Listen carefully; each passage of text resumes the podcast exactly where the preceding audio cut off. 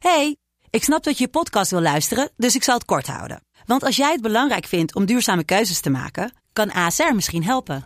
Nou hoor ik je denken, hoe dan? Nou, bijvoorbeeld bij het duurzaam herstellen van schade. Of de premies die we beleggen volgens ons duurzaam beleggingsbeleid. Dat bepaalt waar we wel en juist niet in investeren. Wil je meer weten over welke duurzame keuzes ASR maakt? Ga dan naar asr.nl slash duurzame keuzes. ASR doet het. Zo, dan kan je nu lekker naar je podcast luisteren. Uh, ladies and gentlemen, revolution time is about to go down. Wilde haren de PC.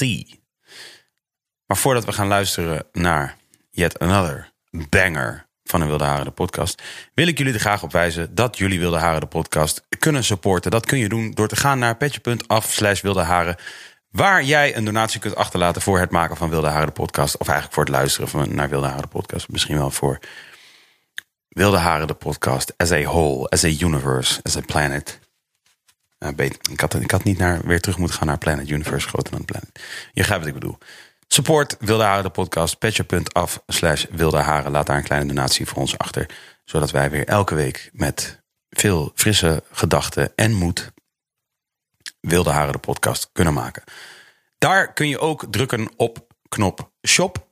En daar kom je dan terecht bij uh, ja, wat merchandise van Wilde Haren. Een, uh, een hooded sweater en een longsleeve. Die kun je bestellen. Ook daarmee support je Wilde Haren de podcast. Dus doe dat ook vooral.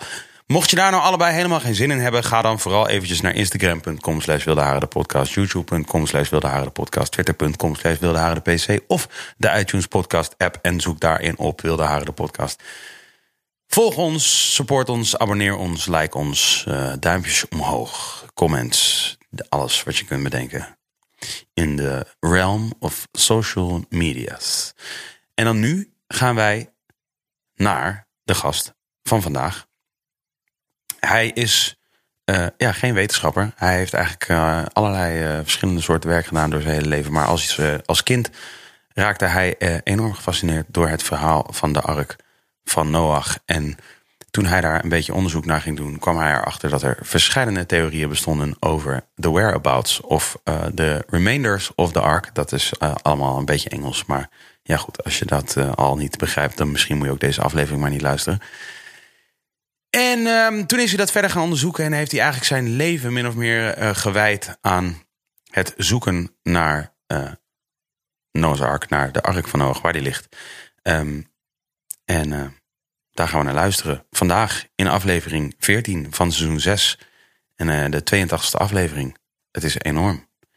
Dames en heren, veel plezier met luisteren. Ah, gek, maar ja, ja. Ik, zit op een, ik zit op een bepaalde frequentie. Ik ken er niks aan doen. Je schijnt ook een frequentie van love te hebben, hè? Een love frequentie. Oh ja, werkelijk waar? In een... Zeker het, hè? Oh, is het zo? Ik weet niet waar die zit, weet jij Nou, ik kan mij zo voorstellen... Ik kan mij zo voorstellen dat, uh, even ervan uitgaande... dat uh, bijvoorbeeld uh, de Barry Whites van deze wereld... dat zijn ja. natuurlijk wel hele zware, zware stemmen. Ja, en dat zijn in ieder geval, dat zijn wel de, de sensuele stemmen in ieder geval. Vooral de ja. soulnummers. Hè? Ja, dus ik weet, niet of dat, ik weet niet of dat dan ook meteen de love-frequentie is. Maar... Nee, ik denk het niet. Maar er schijnen toch wel op YouTube filmpjes over te bestaan. Hè? Oh, is het zo? Een bepaalde toonhoogte of... Ja, dat schijnt dan uh, beter binnen te komen bij mensen. Oh, is het zo? Ja. ja. Dat is wel interessant. Een soort ik... relaxedheid te brengen over mensen.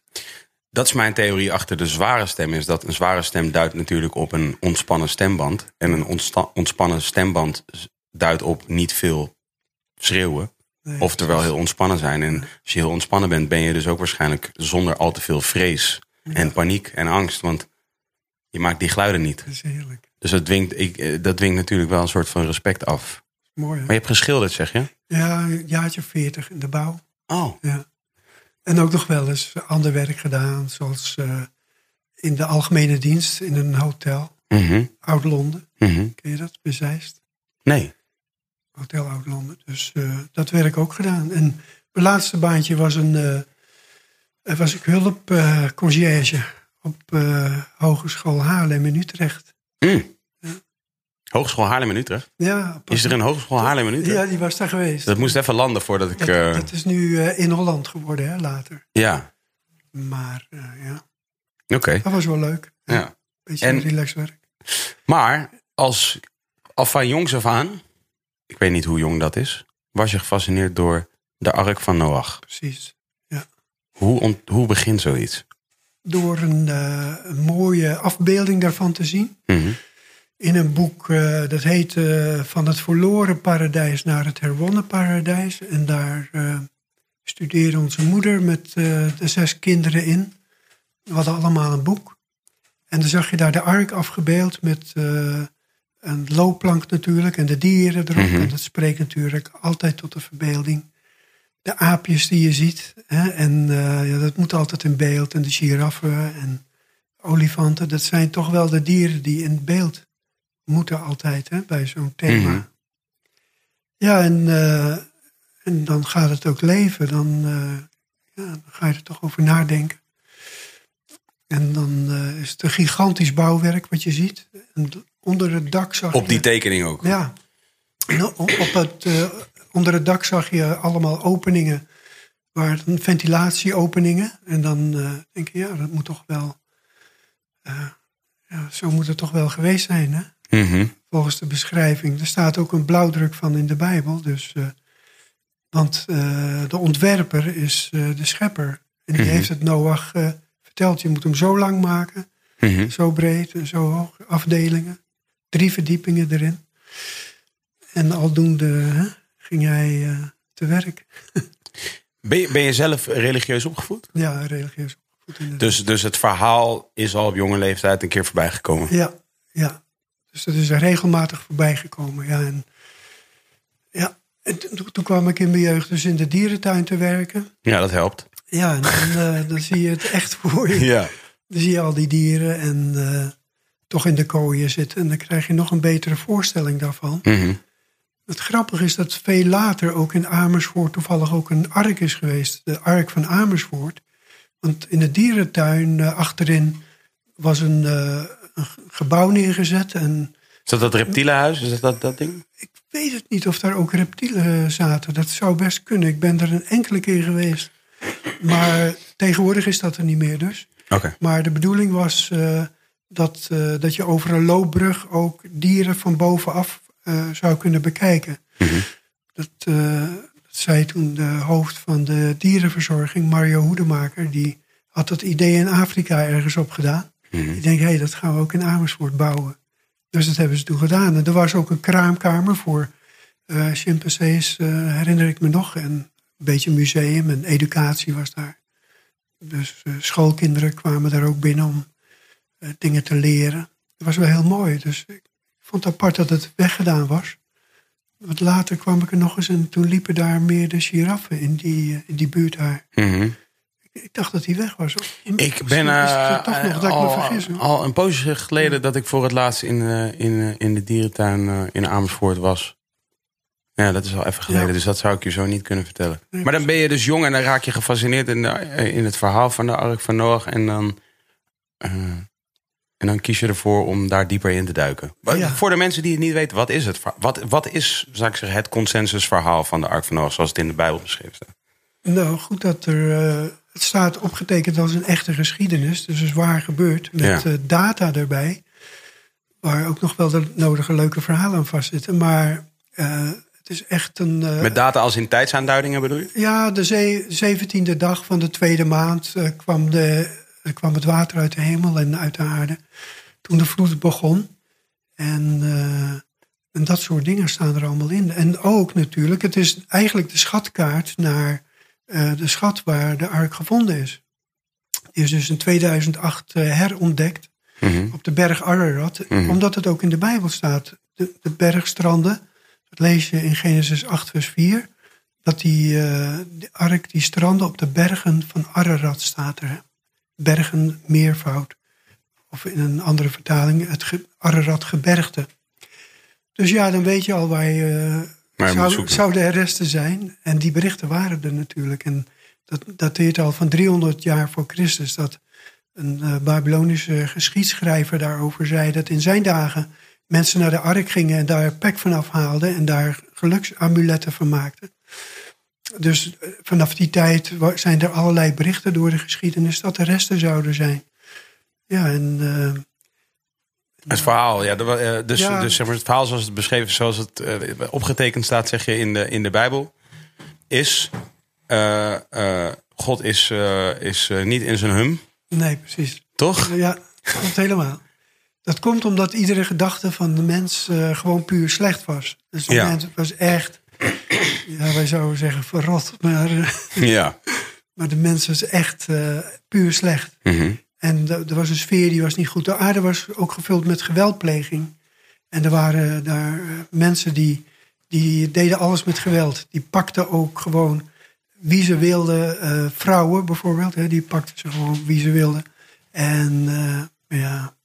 Dus maar goed, God die besloot een einde te maken aan alles wat leeft op aarde. Alleen Noach, ja, die deed het goed in, bij God. En die mocht blijven leven met zijn gezin. Hij kreeg de opdracht eh, dus die ark te gaan bouwen. En eh, heeft daar waarschijnlijk zo'n 40, 50 jaar eh, over gedaan om die te bouwen. Want hij, ja, met zijn vrouw kreeg hij eerst nog drie zonen. En we nemen aan dat die ook natuurlijk naar volwassenheid groeide om goed te kunnen helpen met de bouw van de ark. En, ja, en dan, eh, hij krijgt daarbij de opdracht om hem 300 L lang te maken. Mhm. Nou, 300 ellebogen. Hè, dat is, eh, er zijn verschillende ellematen bekend. Maar als je het op een redelijke ellemaat houdt, dan zou de ark zo'n eh, misschien 133 meter zijn geweest. 22 meter breed.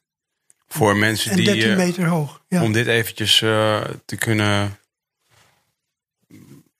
Twan, als jij nou eens even googelt naar een boot van 133 meter, gewoon random. En een plaatje ervan. Eh, Preferably met een mens ernaast. Dan hebben we misschien een beetje een idee. Stel dat je dat kan Ja. vinden. Kun je vast wel vinden. Ehm, Maar heb je een grotere maat, Ja. dan, dan zit je al gauw op 150 meter. ja, precies. Maar het zo om en nabij zo'n afmeting.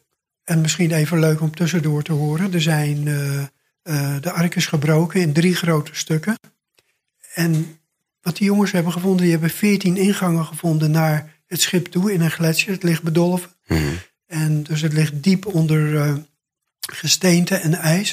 Het ligt heel goed geconserveerd, omdat hij nog in ijs ligt. Nog wel, maar Mhm. het gaat hard achteruit. En eh, het ligt dus in drie grote delen gebroken. Maar die jongens denken dat er één stuk eh, 100 meter lang is. En een ander stuk is 45 meter lang. Maar ze kunnen het niet helemaal goed bekijken. Want Hmm. er staan ook ergens een paar losse stallen. Maar drie hele grote stukken zijn er in ieder geval. En eh, dat is even leuk voor tussendoor om... Dit, is een, dit is een boot die je hebt kunnen vinden waarvan wordt gezegd dat hij die afmeting heeft hoor.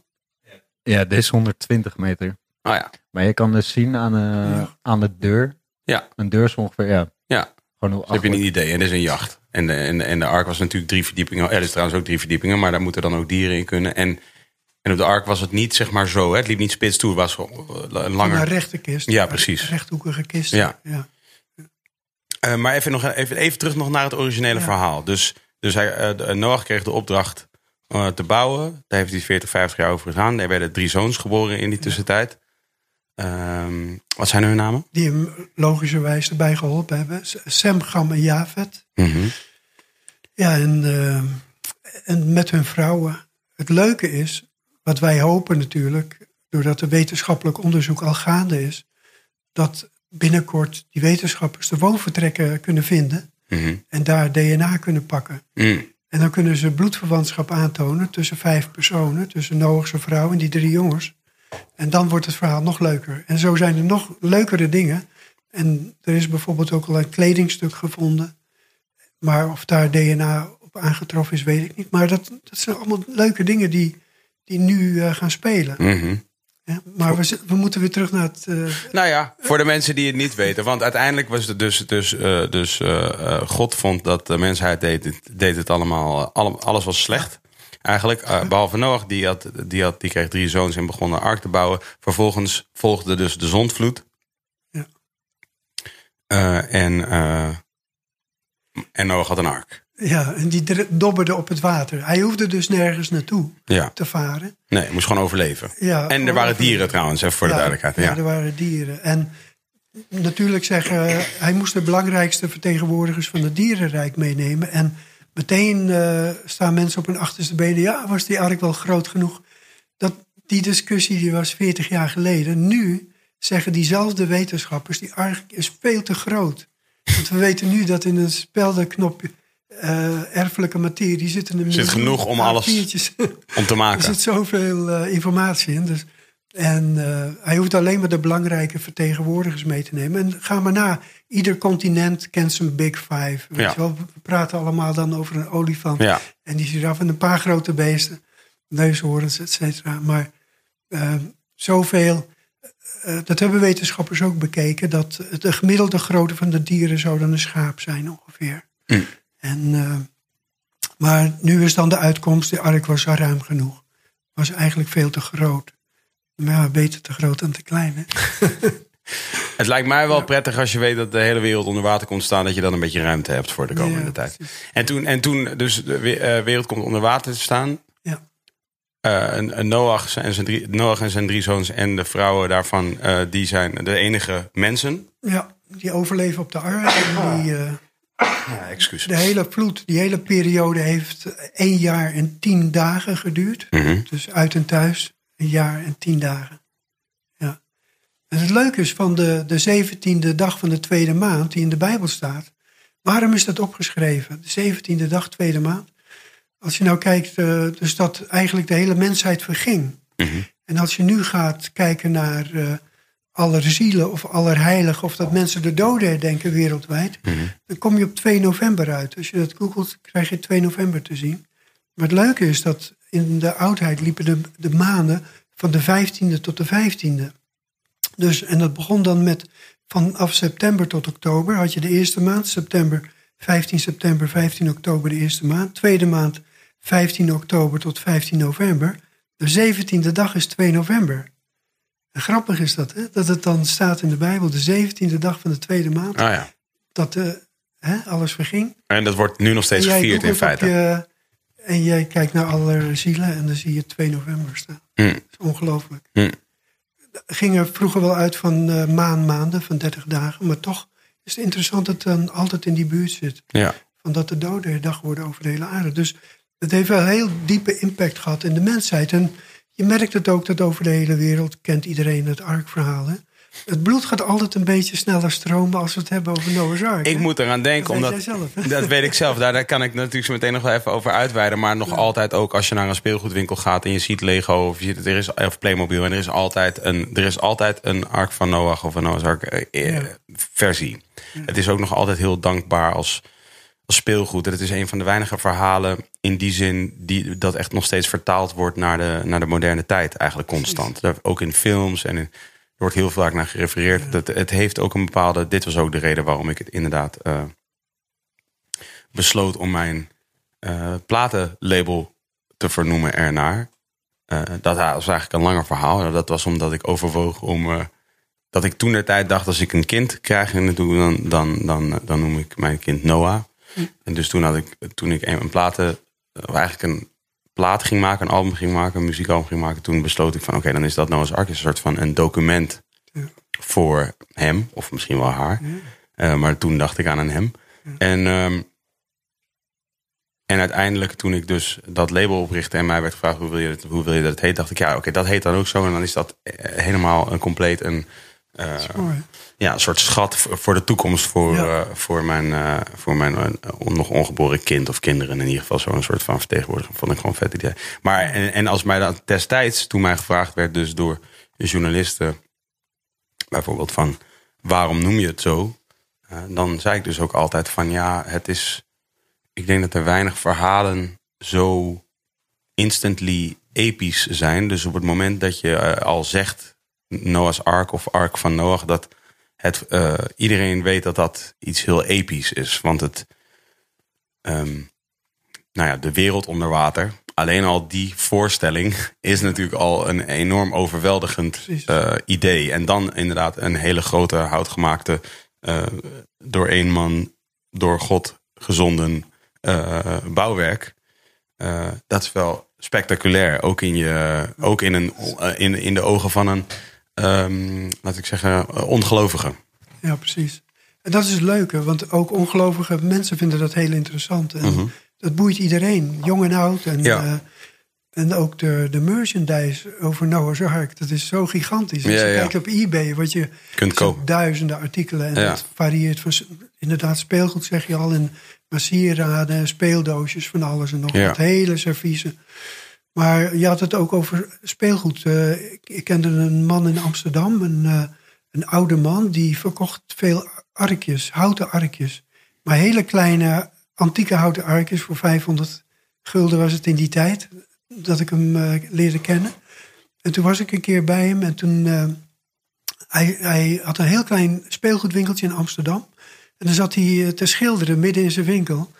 En dan had hij een, eh, een schilderij gemaakt van de Ark van Noach.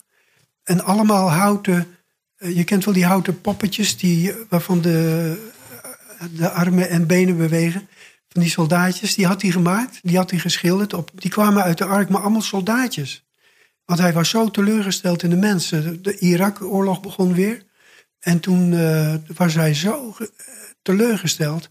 En als je die man gebogen zag in zijn winkel... en hij was al die soldaatjes aan het schilderen... die uit de ark kwamen, want mensen krijgen er niet, niet genoeg van. De wereld was toen vergaan vanwege eh, dat de aarde vol met geweldpleging was. Hè?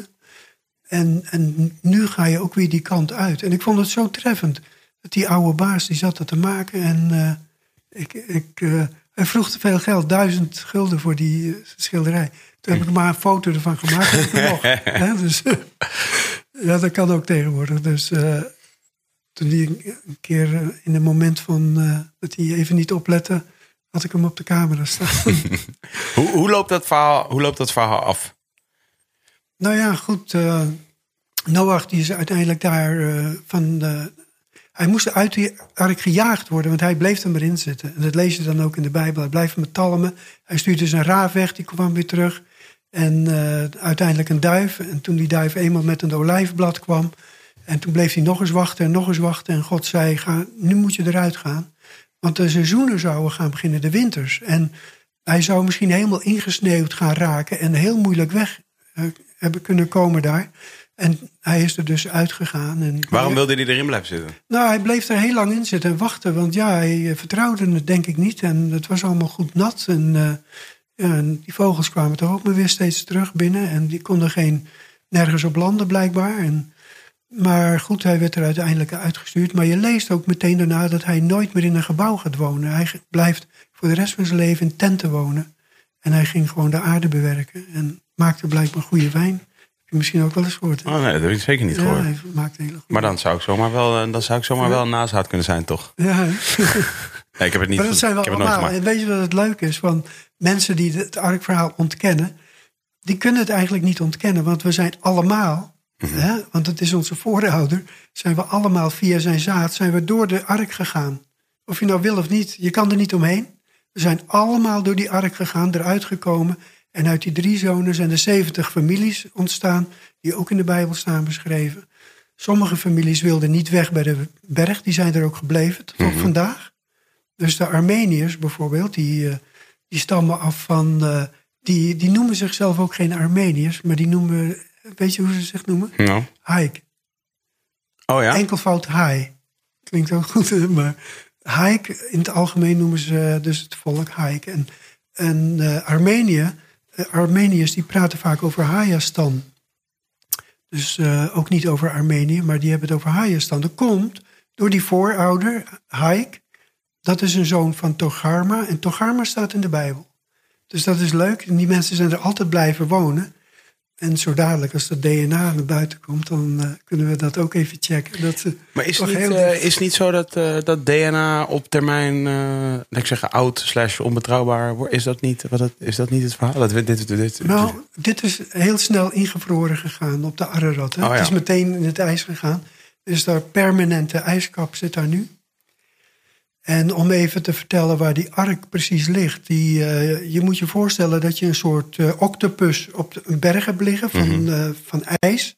En helemaal aan het einde van een van de tentakels, daar ligt de ark. Dus helemaal aan de rand van een van de ijsvingers van Ararat. En ja, ik hoopte dat er al dit jaar een deel uitgesmolten zou worden, maar we moeten nog iets meer gas geven. Ja, dat is wel een win-win voor jou. Ja. Toch? Dus, dus maar, eh, oh of, of alles smelt en dan heb, je, heb jij je ark. Of het komt allemaal toch nog goed. Nee, maar het zou leuk zijn als het wat meer in het nieuws kwam. En, eh, en Turkije moet er dan echt wat mee gaan doen. Ja. Want wat is, er, wat is er tot nu toe? Je had het ook net even over 2008. Ik had ook eh, een filmpje gezien van wat ik dacht dat Aziatische mensen waren. In Ja. ieder geval die ernaar aan het zoeken was, wa- waren. En, en dus ook het ontdekte voor het eerst met video. Is dat, eh, klopt dat? Ja, de Chinezen die kwamen in aanraking met de ontdekker. Dat is een jongen die eh, een berggids die ook mensen meenam naar boven. En die, eh, en die kende ik vanaf het jaar 2000. En, Die kende je persoonlijk? ja, dus ik kwam daar ook met mijn docu- documentatie bij me. En, en hij zag dat ik ontzettend veel Ararat-foto's had en heel veel informatie. En ik was speciaal gefocust op één rotsformatie aan de noordkant van de berg. Dat heette Angel Rock. En daar ben ik heel lang mee bezig geweest. Want ik vermoedde dat daarin ehm, misschien eh, overblijfselen van de ark zouden zitten. Dat die daar versteende resten daarin zouden zitten. Maar dat bleek dus niet te zijn. Maar ik, ik gaf hem ook wel eens geld om, eh, om plekken voor mij uit te checken op de berg. Want hij was een klimmer. Een, Ja, een exceptioneel dus- goede klimmer, dan neem ik aan. Ja, en hij heeft ook wat families eh, op de berg wonen. En dus daar kon hij dan ook gelijk even langs gaan. Want zomers dan eh, gaan hele families daar naar zomercampings op de berg. Mhm. De Jaila's heet dat, hè, de Jaila. En eh, nou, daar ging die jongen daar dan ook naartoe. En toen ik hem een keer een hele dure camera meegaf, was ik blij dat ik hem terug had. Want dat weet je ook nooit aan. Nee, dat begrijp Je ik. raakt daar spullen kwijt. Ja. Dat heb ik ook. Automatisch eh, betaal je daar ook lesgeld voor. Dat heb Ja. ik allemaal meegemaakt. En, maar hij, eh, ja, hij, eh, hij had ook een keer wat ontdekt. In een grot had hij een, een, een witte formatie ontdekt ter grootte van een autobus. En was 11 meter lang. En daarvan dacht hij dat het met de ark had te maken. Dat werd ook naar Hongkong gestuurd en dat werd gecheckt. En dat, ja, dat, er kwamen rapporten dat het gefossiliseerde hout was, of versteend hout. Maar eh, ja, zo ontdekte hij eh, steeds weer wat nieuws. Dit was allemaal één man. Ja, dat, Of één jonge jongen. Je noemde Ja. net een jongen, was nog jong. ja hij was eh, eh, tussen de 30 en de 40. Nou ja, In die precies. tijd. Ah, sorry. yes, ik ben ook nog een Ja. jongen dan.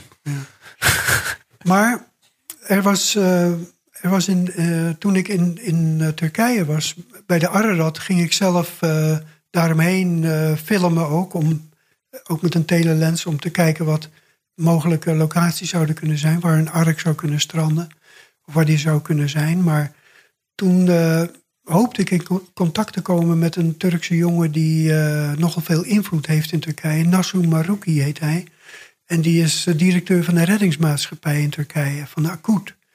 En ehm, ik was daar ook een keer, terwijl hij een jongen die dood was gebleven bovenop de berg.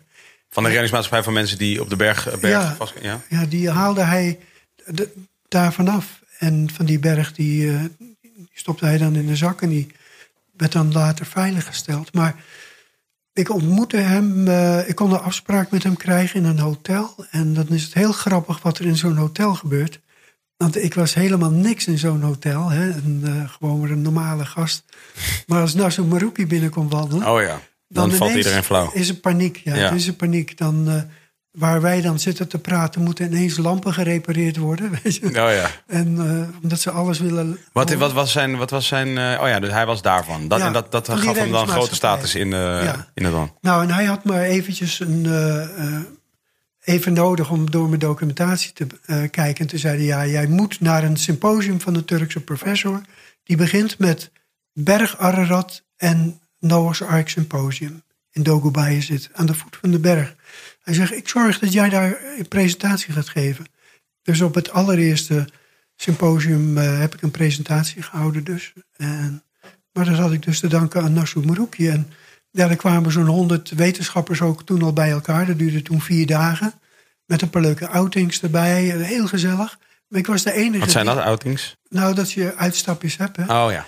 En eh, ik was de enige die geen DR voor zijn naam had staan. Of professor. Mhm. Maar Nasu had ervoor gezorgd. En dat was, en dat was dan een internationaal symposium. En er zijn eh, pas geleden dus het vijfde symposium geweest. Ik kan meteen even een foto laten zien. Die heb ik hier. Toen welke kant op... eh, Oh, kijk, zie. Kijk, dan zie je die. Zo eh, zie je maar weer dat ik, ja. altijd, dat ik eigenlijk niks weet wat ik hier aan het doen ben. ja. Oh ja. Zie je? Dit is vijf jaar geleden. Nee, dit is dus eh, dit is, eh, vorig jaar geweest. Oh, oké. In oktober. Dus er waren eh, 110 wetenschappers bij elkaar. En dat is dan het internationale eh Bergararat Noah's Ark Symposium. Daar mocht ik drie keer een presentatie houden. In 2008 ook, in 2005 en in 2010. Maar in 2005 ontmoette ik daar wat Chinezen. En dat waren die Chinezen die dan ook in het nieuws zijn gekomen met het ARK-nieuws. Want zij hadden een replica gebouwd van 150 meter lang. Met een vijfsterren hotel daarbovenop. En eh, zij kwamen in contact dus met die, met die jongen, die ontdekker. En die heeft een bijnaam parachute. Heb je misschien wel van gehoord, hè? Parachute zeggen ze in het Turks dan. Dan komt die jongen, die had een hele grote snor. Die hing over zijn onderlip heen. Die was zo groot, dus je zag hem nooit zijn mond praten. Toen zei een keer een toerist tegen hem... man, het lijkt wel een parachute die je op je gezicht hebt hangen. En vanaf die tijd ja, dan heb je een nickname. Hè? dus dat is parachute. Eh, ik noem hem eh, privé altijd wel Ahmed, want ik hou niet zo heel erg van nicknames. Maar goed. Maar parachute, eh, die Chinezen kwamen weer parachute in het kantoor en die zagen allemaal mooie foto's hangen. Hoe kom je aan die foto's van de Arad? Ja, die heb ik van een Nederlander, Gerrit Aalten. Neem daar maar contact eh, mee op. Nou, oké. En eh, dus ik moet, ontmoette hen op, in 2005 op het eerste symposium. Maar zij gingen later met Parachute toen de ark gevonden werd. Die werd in juni twee- 2008 ontdekt door Parachute. Die had van een. Door hem zelf. Ja, door hemzelf. Die, had, die was wel op jacht geweest naar informatie. En ik had hem ook wel wat hints gegeven waar hij moest zoeken. Bij welke families die beschermers waren van de ark. Want dat wisten we uit de arkboeken. eh, van een verhaal uit 1943. En hij is die familie op het spoor gekomen. En ik denk dat hij daar de informatie heeft eh, gevonden. Maar hij moest eh, naar een, wat ik later heb gehoord, naar een, een rotsblok ergens. Werd hem wel ongeveer gewezen waar. En er zouden eh, paardenbenen op te zien zijn afgebeeld. En daar, dat was zijn vertrekpunt. Daar moest hij in een bepaalde richting een aantal meters en dan naar beneden. En toen eh, daar is hij eh, vijf tot tien meter naar beneden gegaan. En toen kwam hij bij de resten van de ark. Dus hij ontdekte dat in 2008. En die Chinezen gingen daar in, die twee jaar daarna naar hem toe. En die zijn er ook binnen geweest in de ark. En toen kreeg ik een e-mailtje van... eh, wil je naar eh, Hongkong komen? En dan mag je de beelden zien. En kun je dan eh, kijken of je dit kunt bevestigen. Of dit eh, klopt met de ooggetuigenverslagen. Mhm. Ik zei, nou is goed. Dus samen met mijn vrouw kregen we dus een leuk reisje naar Hongkong. En ja, daar in het kantoor zagen we dus dat ze binnen in de ark waren. En dat klopte met alle ooggetuigenverslagen. En toen zei Met die- eerdere ooggetuigen verslagen. Ja, die we, want die boeken die had ik al zo'n 40 jaar gelezen. Hè? Ja, ja. En, Dus er zijn toen waarschijnlijk al mensen geweest daar. En dat is gewoon, dat is opgeschreven. Ja, er waren heel wat verhalen zijn erover. Of herders, eh, eh, kinderen bijvoorbeeld, die een, een schaap achterna gingen of een geit. En dan, eh, een geit was het dan, en die dan uiteindelijk toch een deel van de ark zagen. Of dat het boven het ijs uitstak of zo ergens. En dus die verhalen hadden we allemaal. Of ook iemand die er bovenop gelopen is in 1902. George Gopian is een bekend verhaal. En ook een tweede keer is die daar geweest. Eén keer met zijn oom. Zijn oom heeft hem opgetild ergens bij een bergstenen... dat hij boven op het dak kon lopen. Dat zijn ervaring. Maar dat klopte allemaal met wat zij eh, dus hadden gevonden. En eh, die Hongkongers hadden in de e-mail staan... ja, en als dat dan klopt, dan mag je dat eh, vertellen. Daar heb je vijf minuten de tijd voor... op een, op een eh, vergadering met vrienden, arkvrienden... van die replica van de ark... En in de e-mail stond 300 personen zijn aanwezig. Er zaten 3000 mensen in de zaal. Wow. In de stadschouwburg van Hongkong. Wow. En toen zeiden ze niet alleen vanmiddag, vanavond zitten weer 3000 anderen. Mag je nog een keer vijf minuten praten? Wat is hun, wat is hun fascinatie, wat is hun fascinatie ermee dan? Nou, er was ook een, daar eh, een enkele dominee mee verbonden. Die, eh, die, die dat- dat natuurlijk ook wilde publiceren op. eh, dat is eh, media.org. in Hongkong die dat ook publiceert. En ja, zij waren ook nieuwsgierig en hadden dus ook, gingen vriendschap opbouwen met Parachute. Maar Parachute vertrouwde niemand, behalve die Hongkongers. Want die kwamen met een soort eerbied daar. Hm. En die gingen ook bidden voordat ze de berg op gingen. En die, eh, die waren heel eh, devoot. En dat stond Parachute wel aan. Die zei, niet als die blaaskaken die allemaal kwamen, met eh, tassen vol geld en van alles wilden. Want daar is het nieuws, in, toen het in 2010 naar buiten kwam, is het fout gegaan. Dat een boze professor die, die niet mee mocht doen, die ging dat aan zijn studenten schrijven in een brief. Ja, als ik niet mee mag naar de Ark, dan zal het wel een hoax zijn, hè? Mm. dus nep.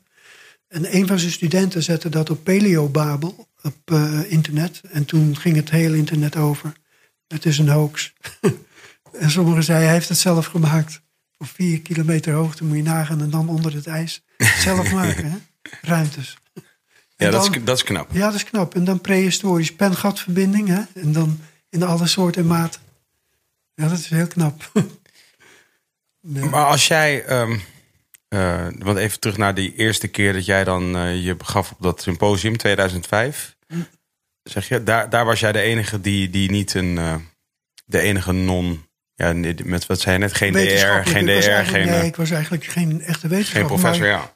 Eigenlijk een, een armchair eh, researcher. Hè? Dus, Ja, want eh, hoe, want hoe werkt dat? Want dat vind ik wel fascinerend. Ik kan me voorstellen dat er mensen zijn die nu luisteren en denken van... oké, nou, ik vind ook wel een paar dingen leuk. Ja. ik ben ook wel geïnteresseerd in het een en het ander. Maar, en, en wellicht is dit een andere tijd. Eh, enerzijds kun je, kun je kunnen zeggen van... oké, de informatiestroom is nu nog veel toegankelijker... en je kunt eigenlijk veel meer. Maar aan de andere kant, dat maakt het dan ook moeilijker... want veel meer mensen kunnen veel meer. Eh, dus, dat, dus misschien als je hoe toegewijd je ook bent, er is altijd wel iemand anders ook ermee bezig of toegewijder.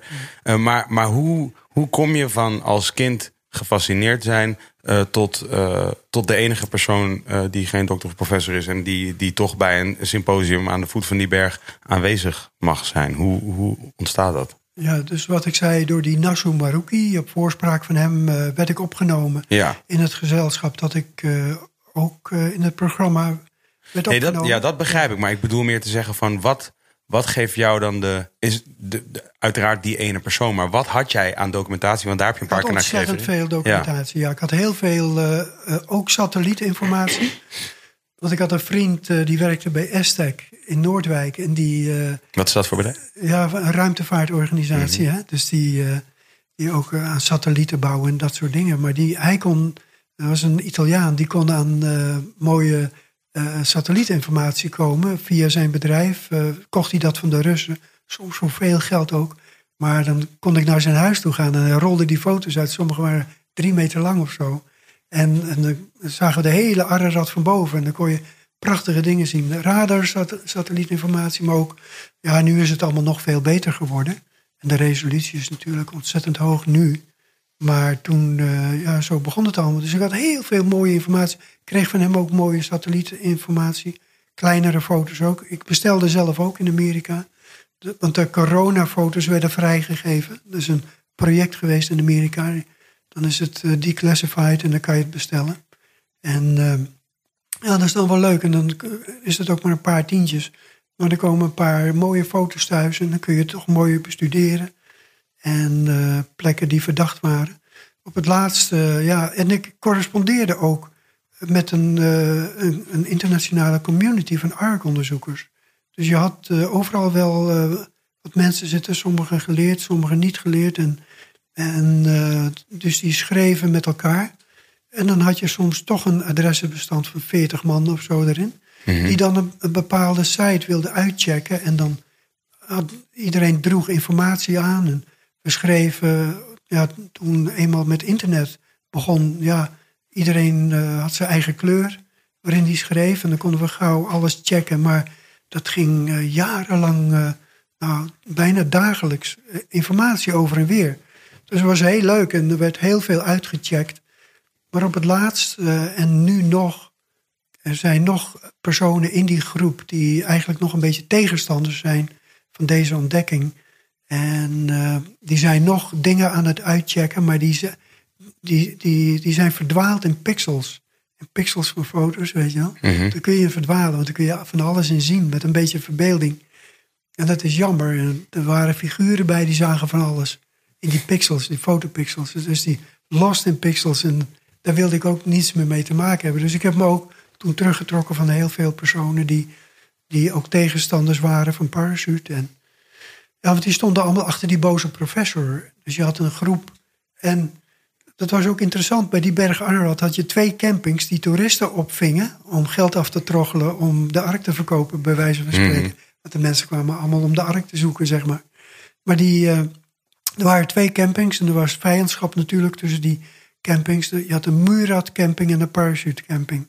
en, en dus die twee.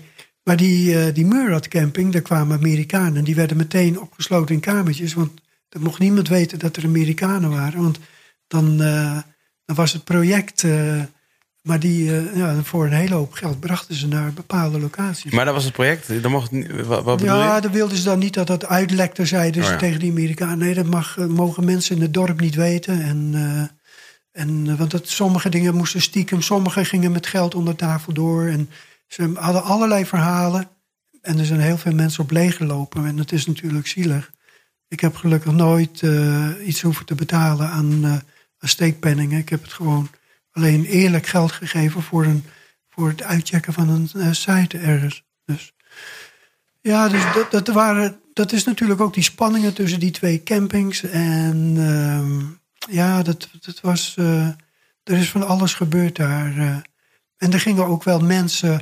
Er waren ook eh schoenpoetsertjes op straat die eh, ook toeristen opvingen. Dus ik breng je wel naar de Ark toe. En die brachten ze aan de berg op. En dan lieten ze ze in de steek. hè. ja. en dan gingen zij er met het geld er vandoor. En die, eh, ja, die, er is daar van alles gebeurd. Er is zoveel gebeurd. Maar je kan er niet ongezien naartoe gaan. Ja. Er zijn altijd overal zijn daar ogen en oren. Dat zeggen ze ook van de berg. De berg Ararat heeft ogen en oren. Want er zijn ook mensen verdwenen. Zoals nu. Eh, er, er is ook een man verdwenen uit Ierland. En eh, ja, er, er zijn wel meer mensen. Die op zoek, ook ja, weer die, op zoek die was? ging naar de Ark. Die Ja. wilde die site gaan bezoeken van die Chinezen. Maar er zijn hele families die zijn daarbij betrokken. Vooral eh, de families die de paarden hebben. Want van kamp 1 naar kamp 2 ga je vaak ter paard. Per paard naar boven. En dus die families die zijn allemaal betrokken. En kleine kinderen lopen daar met geweren rond. Het is daar levensgevaarlijk. En Hmm. Je kan daar niet ongezien, zelfs als je al in- bij dat plaatsje komt, Dogobaye zit, dan heb, heb je al wat militaire checkpoints eh, gehad. En zij weten al lang in Dogobaye zit, eh, eh, weten zij wie daar aankomt, wat voor kleur auto ze hebben en wie die personen zijn. Die worden al helemaal doorgelicht, bij wijze van spreken. Dus ze weten precies wie daar binnenkomt en of ze geld bij zich hebben. Wat ze, worden ze al ingeschat een beetje. Hè? Wauw. En ja, dus het is een heel apart wereldje. Dus ja, mensen proberen daar ook eh, een beetje bestaan op te bouwen daar. Maar nou, hoe, hoe ben jij... eh, want wa- wanneer, rond welke tijd begon jij zeg maar wat meer door, doorgrondig eh, Mijn onderzoek, te doen? Ja. begon met een boek van René Noorberger, Mhm. het ARC-dossier. En dat was in de zeventiger jaren. Daar begon ik in te lezen en, en die was er al druk mee bezig. Er was een onderzoeksjournalist, die, was ook, eh, die werkte ook voor Panorama, maar later eh, beet hij zich helemaal vast in de ARK. En eh, ook met het stenen schip, hè, dit stenen schipvorm, wat ook de ARK wordt genoemd, vlak bij de Ararat, daar, daar was hij ook mee bezig. Dus Dus dat was eigenlijk het eerste wat jij Ja. zelf ging doen, is dat boek lezen. ja, dat boek lezen, ja. ja. En wat is het dan, want jij hebt het dus over documentatie. Ik zie hier ook dingen liggen. Ik weet niet of dat, of dat daar deel van is. Ehm, Ja, om, eh, om maar eens één boek te laten zien van, Mhm. van die professor van het symposium. Die, die geeft ieder symposium dit eh, zo'n boek uit. mhm. Dit is dan deel 2. En staat, Voor de luisteraars, ik eh, kijk hier naar een best wel dik boek van een centimeter of dertig, denk ik. ja. Lang en dan, en dan nog eens een keertje. en dan glossy papier. ja, en dan nog eens een en- keertje drie centimeter dik. En daar staan dan al die presentaties van die wetenschappers staan daar dan in. Ja. Ik had er dan toevallig een, hier een, eh, een verhaal van een Nederlander in... die een encounter had met de Ark in, in eh, 1600. Die, eh, die, die is daar bij een monnik geweest en die kreeg eh, wat spulletjes uit de Ark. En ook een, een, eh, een brief daarbij dat die monnik dat zelf uit de Ark had gehaald. En eh, van Jan Janszoon Struis uit Durgerdam. Dus die presentatie heb ik daar toen gegeven. Maar iedere keer geeft die professor zo'n boek uit. En hij hoopt iedere twee jaar dus een symposium te hebben. Nu is het dus het vijfde symposium geweest van, de, van, de, eh, van die professor in eh, oktober in 2019. Maar daarnaast doet hij ook nog symposia aan de andere kant van de berg in Irdir, in een plaatsje. Eh, die gaat dan alleen over de berg Ararat. Dus dan kan je nagaan hoeveel informatie er is. Hmm. En dan, dan komt er heel veel documentatie bij elkaar over ja, de strijd die er ook is geweest tussen Armeniërs en Turken, ook op de berg. En de, de, de doden die daar zijn gevallen, zijn, is enorm veel strijd geweest. En, maar ook alles over voedsel en over tapijten en over ja, cultuurhistorische dingen. Dus die professor die eh, maakt zich heel druk daar eh, over, over die berg Ararat en die ark nu dus. Hè? Ja. De eerste keer dat je daar zo dan die presentatie deed, en dat was dan gebaseerd op, eh, op alle, alles wat je zelf had onderzocht. Wat, wat is het dan dat je daar die eerste keer presenteerde? Dus wat, want ik kan mij zo voorstellen dat dat een, nou ja, een vrij humbling experience voor jou is. In die zin Ja. dat, dat, dat, eh, dat als je daar komt en je weet dat je dat moet doen ter overstaan van allerlei wetenschappers die zich er zelf ook in verdiept hebben. Eh, ik kan me, dat is best wel een, een opdracht. Ja, maar er zijn er weinig die er echt met de ark bezig zijn. Oké. Er is heel veel toch wel met allerlei eh, andere dingen, met geografische dingen bijvoorbeeld. Of eh, met bodemvondsten. Hè. Als ze een oude toilet hebben gevonden, dat wordt helemaal natuurlijk dan uit de doeken gedaan hoe dat werkte vroeger. Mhm.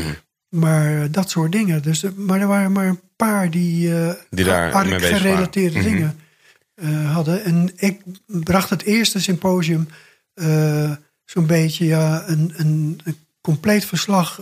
Maar ik had veel te veel informatie. Ja. Ik had veel te veel informatie. Want als je, ik zag die presentaties van die, van die wetenschappers, die lieten maar een paar dia's soms zien. Ik had wel honderd dia's die ik liet zien in een kwartier. Ja. En in het Engels. eh, en iedereen zat er tussendoor te kletsen. Ik denk, dat gaat me volgende keer niet gebeuren. Ja. Ik laat het vertalen. En ik, toen heb ik het in Turks laten vertalen. Het tweede symposium. En dat werd dan op het doek. En toen was het muisstil in de, Oh ja. in de klas, zeg maar. hè. ja. En, maar het is echt eh, wel een grappig zo'n symposium te zien hoe dat werkt. eh. wel heel goed eh, doen ze het. En ja, het is wel echt heel serieus en heel, heel goed. Je, ook, ze hebben altijd een, wat leuke cadeautjes. En ehm, je hebt hele goede begeleiding. Ook je wordt onder politiebewaking word je naar de eh, gehoorzaal gebracht. Dat is allemaal heel goed geregeld. eh. En zelfs in Agri hebben we ook dus in de hoofdplaats eh, van de provincie. Zij noemen de berg ook Agri-dag. In Agri was het eerste symposium daar. We sliepen in het politiehotel. Dus dat was Hm. helemaal veilig. En aan de rand van de stad was een speciaal hotel. Wat helemaal alleen stond daar. En daar ja, was een vrij luxe hotel, vond ik.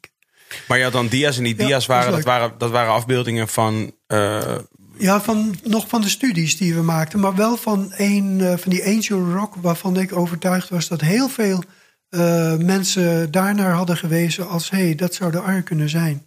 Omdat het heel erg in het oog sprong. Ook vliegeniers die daarover vlogen, die kunnen dat gezien hebben. Want dat was een rotsformatie die verder helemaal rood was. En van de ark eh, weten we dat hij een rode kleur heeft. En, maar die had een wit gezicht. En we weten ook, dus vandaar Angel Rock. We weten ook dat die, eh, dus die buitenkant van die rode formatie was wit. En, en ik denk, dit hebben mensen misschien aangezien voor de. Het was een langwerpig eh, formatie. Die hebben mensen, moeten ze aan hebben gezien voor de ark. Eh, meer dan honderd sporen wezen daar naartoe. Maar ik had inmiddels ook al allerlei, door die eh, groep eh, waarmee we correspondeerden, had ik al een stuk of dertig Phantom Arcs eh, al in beeld, keurig in beeld. En die kon ik op een paar dia's ook laten zien. Kijk, dit, wat zijn fantoma's? ja, dus die door mensen werden aangezien voor een ark, Ah, maar dus geen ark bleken te zijn. Of dat mensen er naartoe waren geweest om het uit te checken. kun je dat vinden online, Antoine? Die Ja, Rock? Nou ja, bijvoorbeeld ook in eh, 1989 had je Chuck. Aaron. En die kwam ook toen in Nederland met beelden. Die eh, kwamen hier toen ook op tv. Ook van een, eh, een formatie, een rechthoekige eh, formatie. En dat leek ook dat had ook een ark kunnen zijn, want die, was, die had een holte on- daaronder. En ja, dat, dat zou ook de ark hebben kunnen zijn, maar dat was het dus ook niet. Die is ook uitgecheckt en het bleek dus ook een. eh, want die, die berg die eh, bestaat uit platen van lava die eruit gespuugd zijn. Mhm. En daar kunnen holtes onder ontstaan. En vandaar dat je hier en daar heb je gewoon een dak zitten of zo in de berg. Ja. En dan denk je, hé, dat zou wat kunnen zijn. Wa- wat maakt dan... Is, eh, heb je iets gevonden? Ik heb hier een artikel van de Trouw van 2011. Ehm, en dat, dat gaat over een fonds van Amerikaan Daniel McGivern. Oh, McGivern, ja, die heeft wat anders. eh, die had satellietinformatie. eh, die waren met eh man uit Hawaii. Die waren met eh, satellietinformatie bezig om dat te checken. En dat is ook niets eh, geweest. Hm. Nee. Maar dit is later dan de, dit is later dan de ontdekking in 2008. Dus dit. 2011 zeg je Ja. het dan. Maar ik bedoelde eigenlijk een plaatje Ja, van dat dat was Angel. Rock, eh Twan. Ah, sorry, ik zat uh, dit te lezen. Nee, ik bedoelde de... Ja, ik Die Angel Rock, hè? Die, Ja, want daar moet- zou je een van... plaatje zien. Toch, Ja, dat zal dan toch wel, Ik denk weet ik. niet, ik heb daar een filmpje over gehad, maar ik heb dat weggehaald van, eh, van mijn eigen kanaal af. Ah, die, van mijn eerste presentatie had ik er staan, maar dat heb ik weggehaald. Omdat als het nieuws verouderd is, dan vind ik, dan moet het maar weg. Ik wil Ja. beter nieuw nieuws in de plaats doen. en vooral zinvol nieuws, hè? Ja, precies. Want Ja, we ontdekken steeds meer. Oké, nu zien we gewoon honderd keer de, de film natuurlijk. Ik weet niet of Angel Rock als fotootje nog te vinden is ergens. Dat is het stenen schip, hè? Ah ja, dit is het stenen schip, Ja. wat we hier zien. daar rechtsbovenin, ja. En dat is dan een eh, mudflow, een, een, een, een, modder Ja, ja, ja. afzetting. Want die zijn daar heel veel te vinden in het gebied. En het grappige was dat al op een van de eerste symposia, er was al een professor, het kan ook in de tweede zijn hoor, die ging al een presentatie houden over de Telchaker mudflow. En, eh, en eh, die wist ook de chemische samenstelling daarvan. En die, eh, die toonde ook aan, ze zijn op satellietfoto's heel veel te zien, deze dingen. Dus het heeft niets met een eh, schip te maken. En nogmaals, het was ook geen schip, want hij hoefde nergens naartoe te, te varen. Dus hij hoefde ook geen boeg te hebben Ja, ja. of een steef of zo. hè. En er zijn sinds de ontdekking, ehm, die ontdekking eh, van, de, van parachute ja. in 2008, 2008 hè, z- zijn daar, er zijn er nu nog steeds mensen die ontkennen dat dat de waarheid is. Er zijn nog steeds mensen, die, eh, enkele, die dat eh, als een broodje aap zien. En waar beroepen zij zich op? Ze vertrouwen er gewoon helemaal Ja, ja. niks. Ja, precies. is- ik denk ook wel eens een kwestie van het hart. Hè? Dat je, mensen willen soms niet. Ja, ja. Ondanks alle bewijzen die er zijn. Maar ja, binnenkort zal er toch wel weer een keer naar buiten komen. Ja. Want eh, Maar ik neem aan dat daar, daar zijn dan ook, neem ik aan, eh, artikelen over en, en dergelijke, waarin uiteen wordt gezet wat de bewijslast is tegen. Nee? over, over tegen, ja. Ja. ja. die zijn er zeker. Ja, Ja. ja. er, zijn, eh, er zijn websites op internet die, die hebben daar hele lange verhalen over dat het niet klopt. En, wa- en, en wat, wat lees je daar? Wat lezen we daar als ik dat nu zou opzoeken? Wat, zou ik daar, wat lees ik daar onder andere dan als bewijs? Ik weet het eigenlijk niet zo precies meer. eh. Nee, ik ben heel veel, eh, heb ik uit mijn hoofd gezet daarvan. eh. nee, omdat het me niet zo boeit. Oké, dan, dan er tegenover van wat, wat maakt het voor jou dat het onomstotelijk eh, wel zo is? Nou, die, eh, het, het grootste bewijs voor mij eh, waren de, de ontdekking in verschillende ruimten van eh, voorzieningen voor zeven dieren. Hmm. Dus eh, eh, ik heb er ook een filmpje van op mijn YouTube-kanaal, de Seven Packs. En dat gaat over dat er een, eh, een balk boven in de stal zit en er staan zeven eh, pinnen op. Ik denk dat ik er hier ook in het boek wel een fotootje van heb, als ik het even kan laten zien. Zijn dit, zijn dit eigen Ja. foto's trouwens, eh Gerrit? Ja, die zijn eh, niet door mij gemaakt. Dus Nee. er zitten persfoto's bij. Ja. En ook foto's van de video. Maar deze kun je wel eh, pakken, denk ik, hè, die foto. Ja. En eh, dus er stonden zeven pinnen op, eh, op een balk. En eh, je kan zien dat ze ook gebruikt zijn. En misschien eh, om dieren te voeden, want ook onder die pinnen daar zit nog, nog eh, hooi aan de wand. En dus er hebben grazers gestaan daar. Dus het voedsel is er nog, die zeven pinnen zijn er. Maar het leuke is dat heel veel mensen kennen het verhaal dat de, de- dieren twee aan twee naar Noach toe kwamen. Dat is ook zo. Maar als je leest in Genesis hoofdstuk 7, vers 2, Dus zegt God tegen Noach: van alle reine dieren moet je per zeven meenemen. Dus daar wordt die zeven genoemd. Dus die voorzieningen voor zeven dieren. En uh, parachute zie je ook in de documentaire, zie je hem uh, over de drempel stappen. Die is kniehoog. Nou, dat doe je niet voor menselijke bewoning. Ga je geen kniehoge drempels maken. Mhm. Maar uh, wel als je dieren in die ruimte wil houden. Waarom, waarom die zeven dan voor de reine Ja. dieren? Dus, die, ja, dus Noach moest van alle reine diersoorten moest hij er zeven meenemen. He, dus uh, een mannetje en een vrouwtje. Dus drie paardjes en één reserve. We kijken hier even trouwens in het, het filmpje Ja. op je YouTube Dit was het eerste gat wat uh, Parachute ontdekte in een gletsjer. Waar Mhm. die inging. En waar die de eerste zeven pinnen Zeg maar op aan het dan. op een uh, op, op vond, ja. Je ziet hem ook zo dadelijk een ruimte binnenstappen. En dan telt hij ze ook uh, specifiek per zeven. Ja. Ah ja, deze foto liet je me, of hier liet je me net een foto van zien, toch? Ja. Dit is exact diezelfde afbeelding. Ja, en ik dacht ook dat er een klein stukje film dan zo begint. Kijk, in de Bijbel staat dan uh, in Genesis 7 vers 2... van elk rein dier moet je er zeven meenemen. Het mannetje en het vrouwtje. Het zijn dan verschillende, verschillende vertalingen, maar dan kun je... Zeven is wel onlogisch in het mannetje en het vrouwtje. Als je begrijpt wat ik bedoel. Ja, trouwens, maakt natuurlijk niet uit. Kijk, hier stapt hij binnen. Je ziet kniehoge drempel. Mhm. Boven zijn uh, schouder kun je misschien zien... Dit zijn die Chinezen, hè? Nee, dat is parasiet. Oh, dat is hij zelf. Ja. En waarom heeft hij, hij heeft nou een papier uh, overal aan? Omdat ze allemaal ziek zijn geworden. De eerste keren dat ze er binnen gingen. Oh. Kijk, zie je die hooi nog aan de wand zitten? Ja. En die pinnen. En moet je die balk zien? Die is een achtkantige balk. Wij kijken naar drie. Als je die balk uh, ja. uh, ziet, zie je drie kanten aan deze kant. De octagon. Onderkant, achterkant ook drie. Achtkantige balk. Ja. En alles is zo ruw als het maar kan, hè? Die, uh, die graafploegen die hebben zich rot gelachen om hoe ruw alles is, maar wel om hoe precies alles is. Daar waren ze verbaasd over.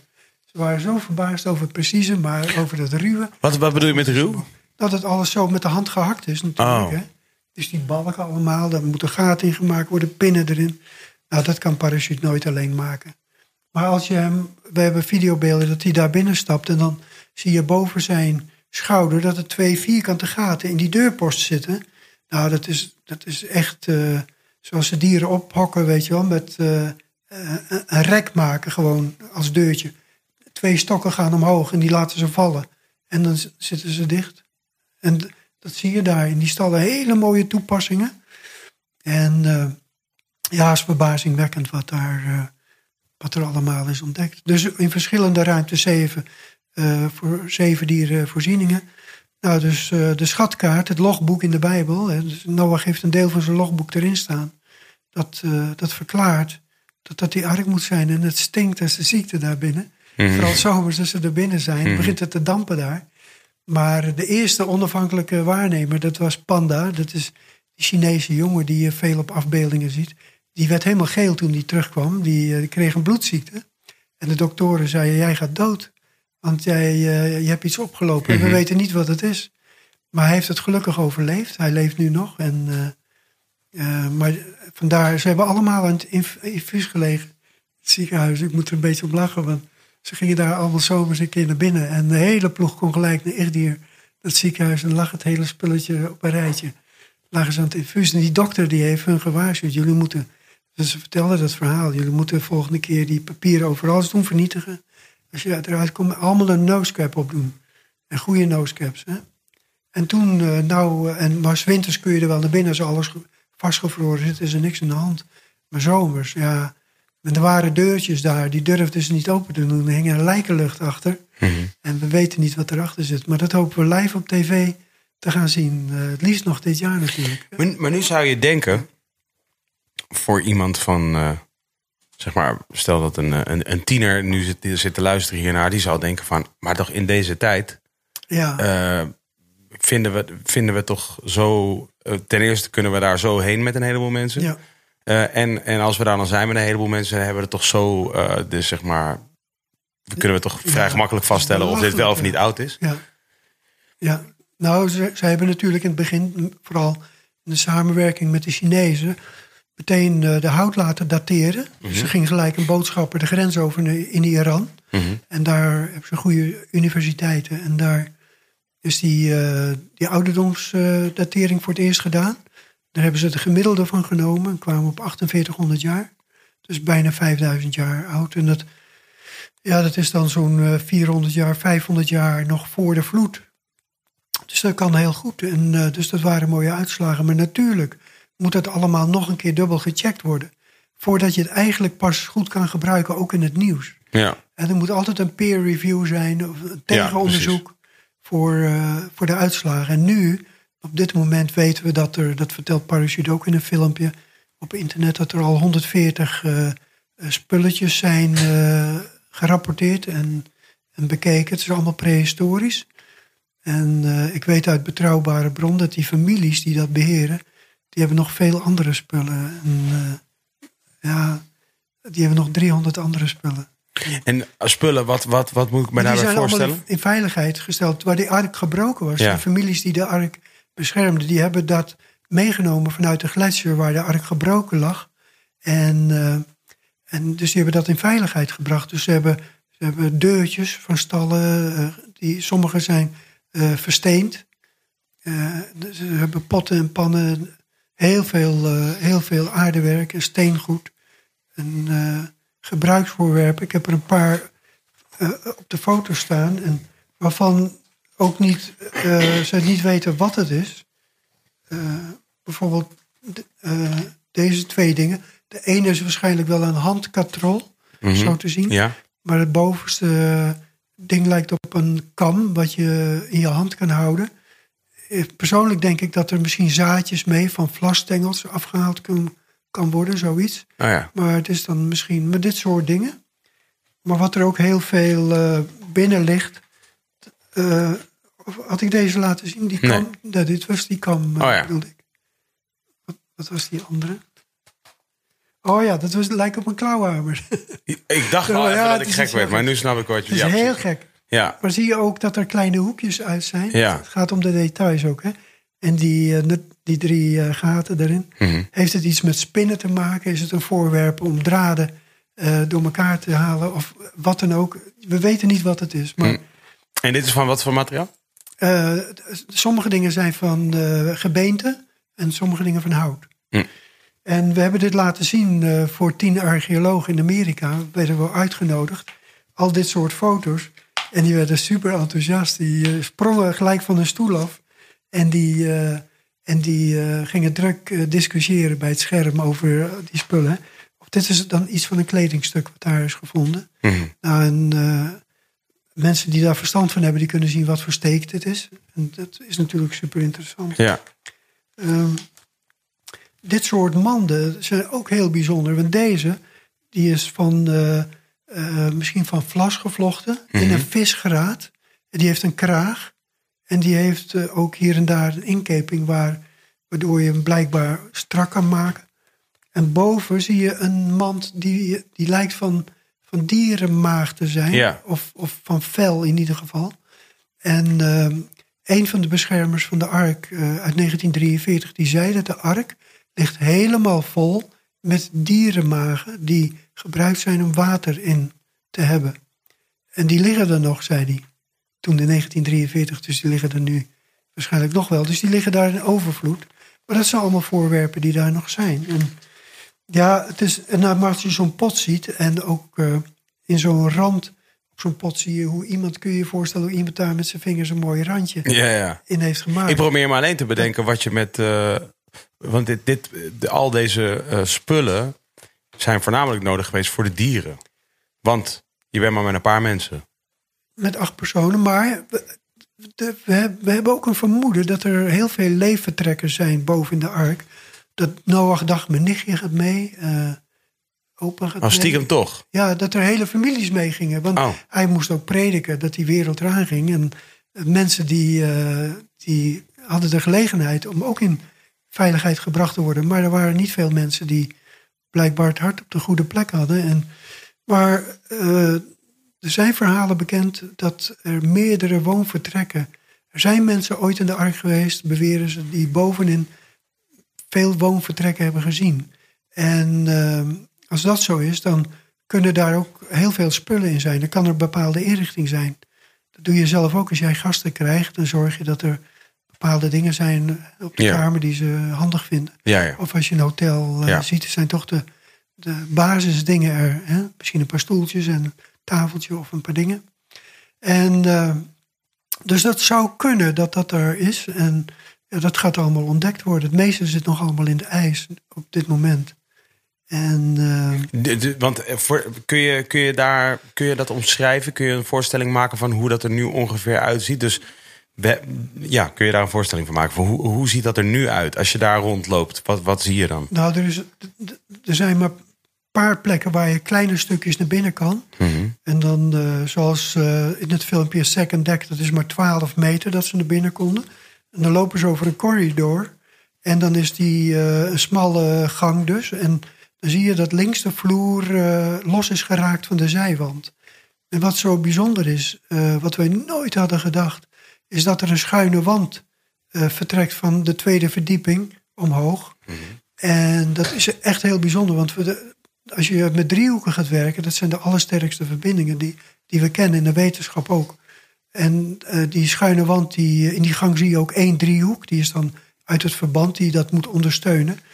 Maar het is echt heel erg bijzonder dat die eh, zo dadelijk komt dat tevoorschijn dat Ja, we je kijken die, nog even naar een filmpje. die wand kan zien. Ja. Zien, kijken mensen hierin mee, Tom?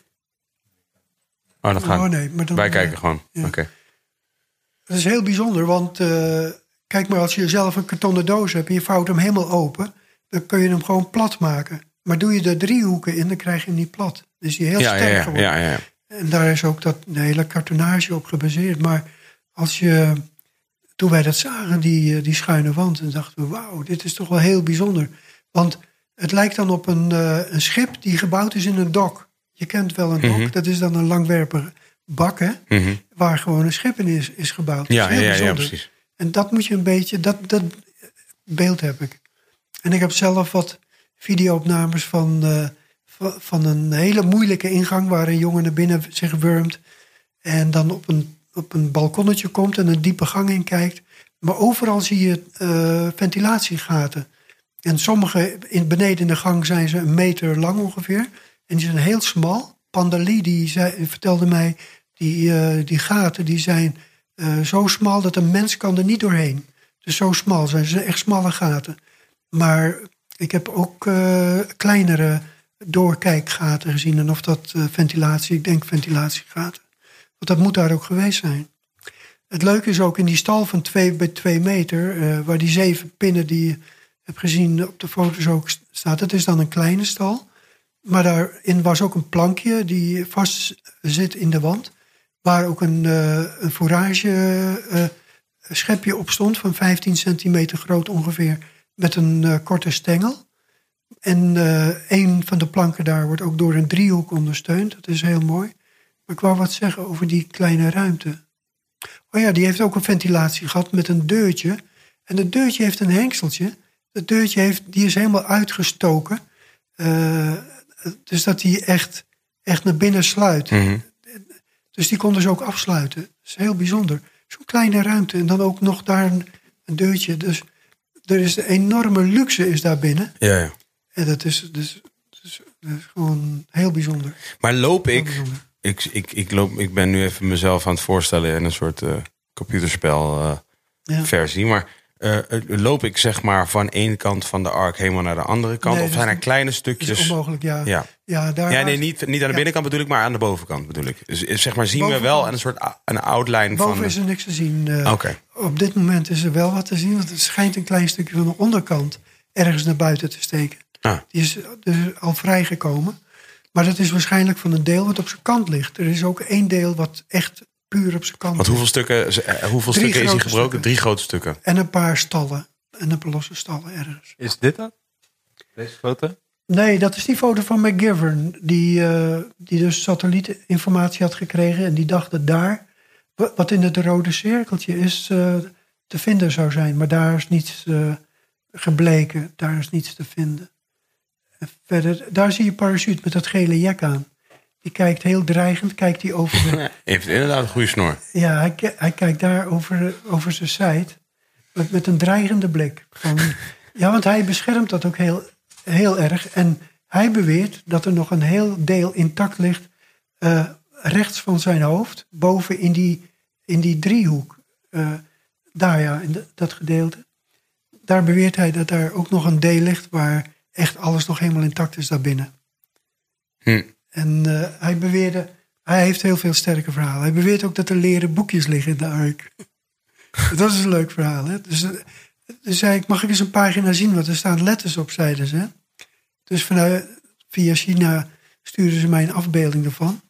En het was dus een klein leren boekje met gouden letters ingeschreven. Nou, goud vergaat niet, dus het blijft altijd goed. Mhm.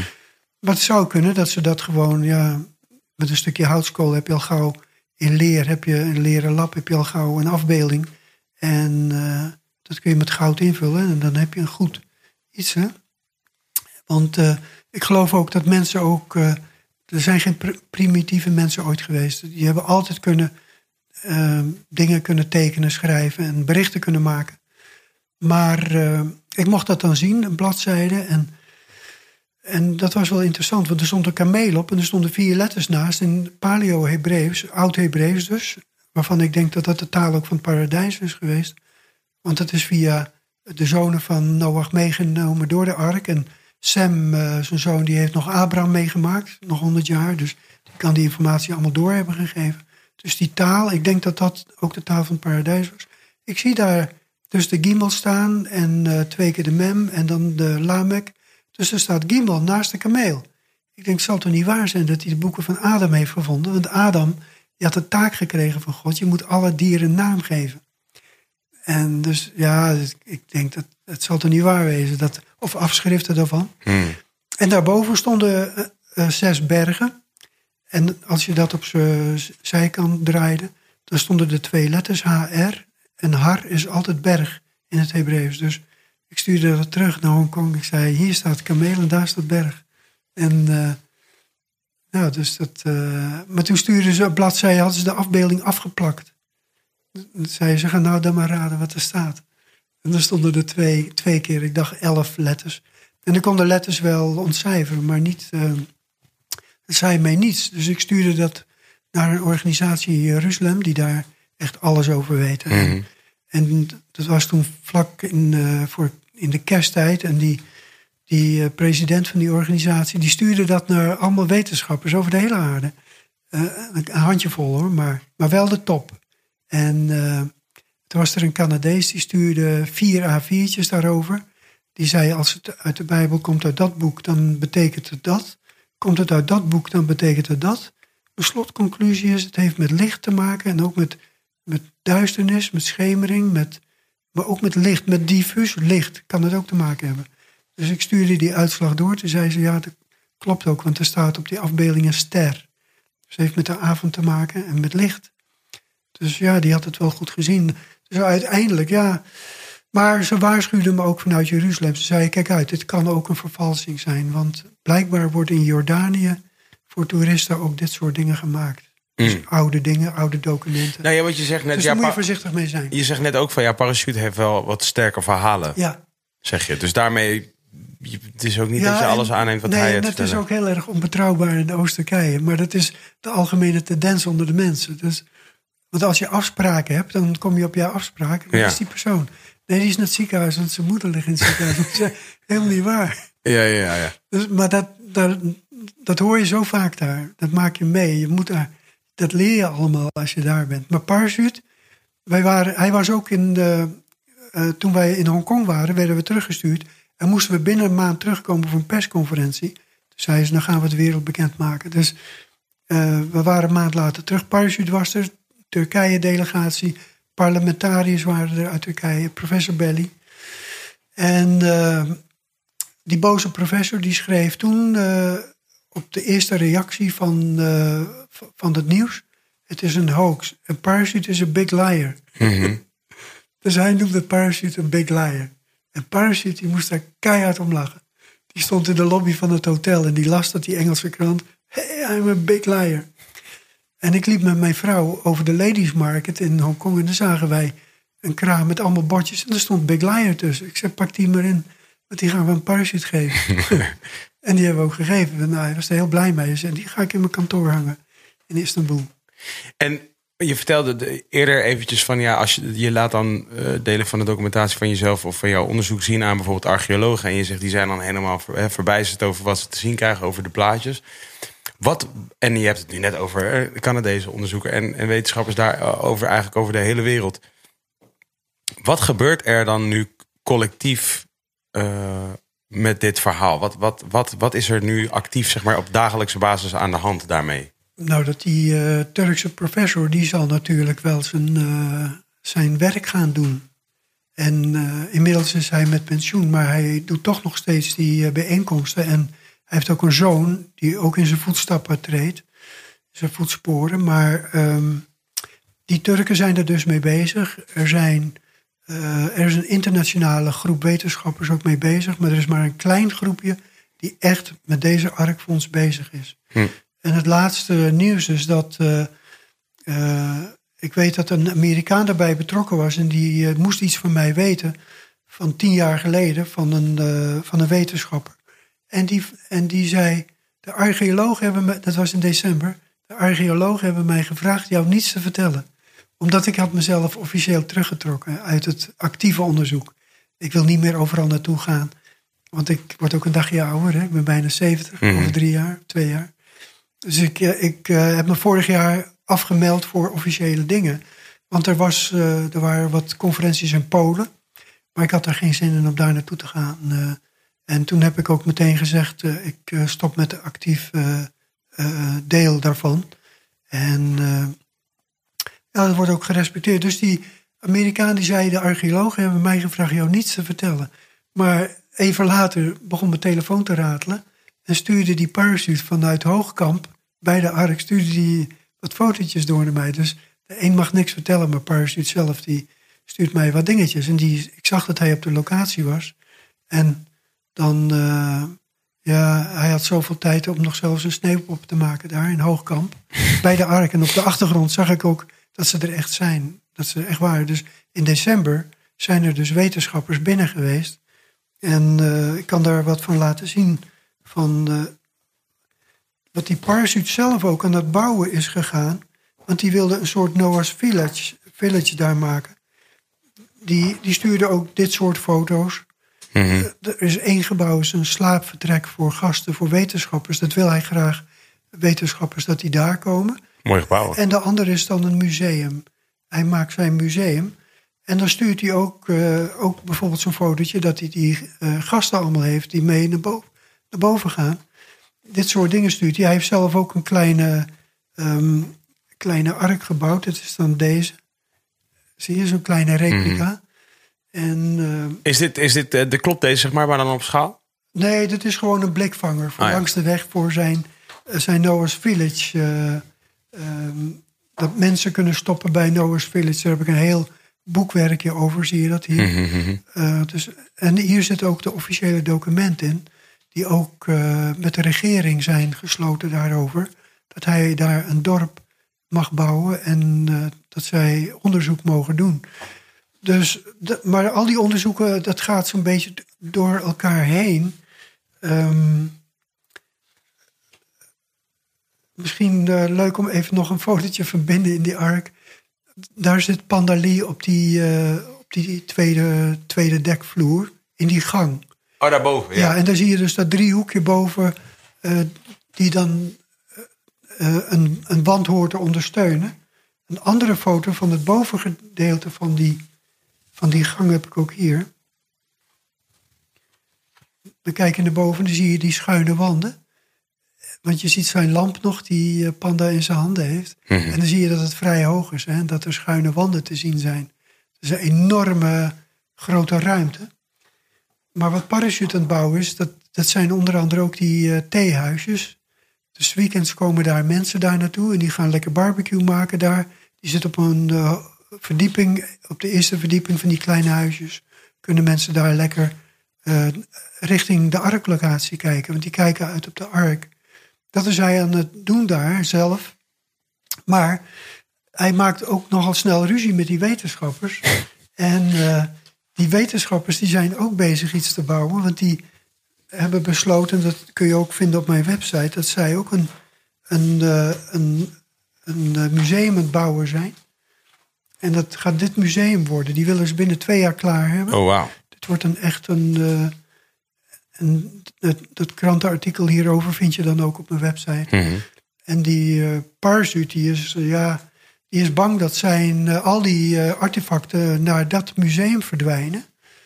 Maar ja, tegenwoordig kunnen ze ook hele goede replica's maken van, eh, van artefacten. En is dat natuurlijk ook geen punt om. Maar dit ziet er wel uit alsof daar wat geld in omgaat. hier gaat veel geld in om. Hoe, ja. waar, waar komt dat vandaan dan? Dit, komt, ja, dit is van de overheidswegen. Dit gaat echt van de overheid uit. Turks. Ja, van de Turkse overheid. Dus dan zie je dat er van verschillende kanten gewerkt wordt. Dus Parachute is lekker bezig. Hij heeft ook 2500 bomen heeft hij geplant... omdat hij een oase wil maken daar ook. Het is aan de, aan de zijderoute, aan de weg naar eh, Iran... eh, waar hij ligt. En dat is wel een hele mooie locatie.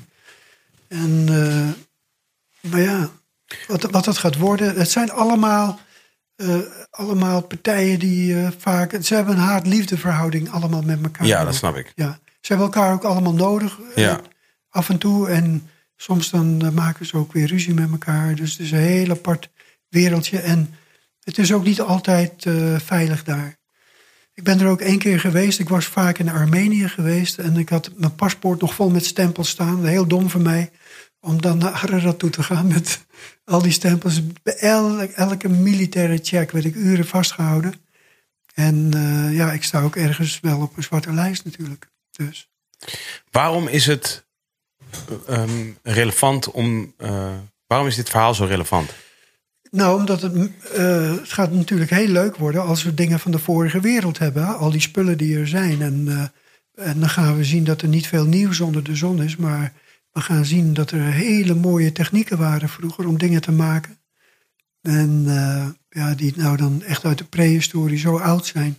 Misschien zijn er nog, nog erfstukken van, nog, eh, van, van mensen van nog vroeger. Hè? Misschien zelfs uit Adams tijd. Want het wa- was maar de tiende generatie naar Noach. Het kan best zijn dat ze erfstukken hebben. Of misschien dat er nog tabletten liggen in de ark. Of eh, nog hele interessante zaken. En dat is voor de mensheid heel, heel eh, leuk om te weten. Maar ik denk ook wel heel belangrijk. Het zou ook een verbindende factor kunnen zijn tussen mensen. Want we komen uiteindelijk allemaal daaruit. En het zou ook een mooie verbindende factor kunnen worden... om dat mensen misschien eh, wat dichter bij elkaar komen. Hmm. Of niet? Het zou kunnen. Als dat verhaal de waarheid is, dan is dus dat mooi, eh, absoluut zo. Ja.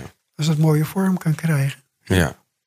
Want ze kunnen het conserveren. Ze kunnen de ark eruit halen, mooi conserveren beneden. ja. En, dat het- En als je dan zegt, ze kunnen dat. Wie, heb je dan in je hoofd, zeg maar? Nou, de- de wereld kan dat. In Ja. Engeland is het gedaan. In Nederland hebben we ook een koopvaardijschip eh, geconserveerd. Zo uit de modder getrokken. Die heb ik wel eens bezocht. En eh, al die technieken zijn er. In Zweden is een heel mooi schip eh, boven water gekomen, geconserveerd. Dus alle technieken hebben we. Wij hadden in Nederland al heel veel voorwerk gedaan. Want wij, wij wisten ook wel mensen te vinden die, die erover na wilden denken om de, om de ark eruit te halen die ervaring hebben met berging.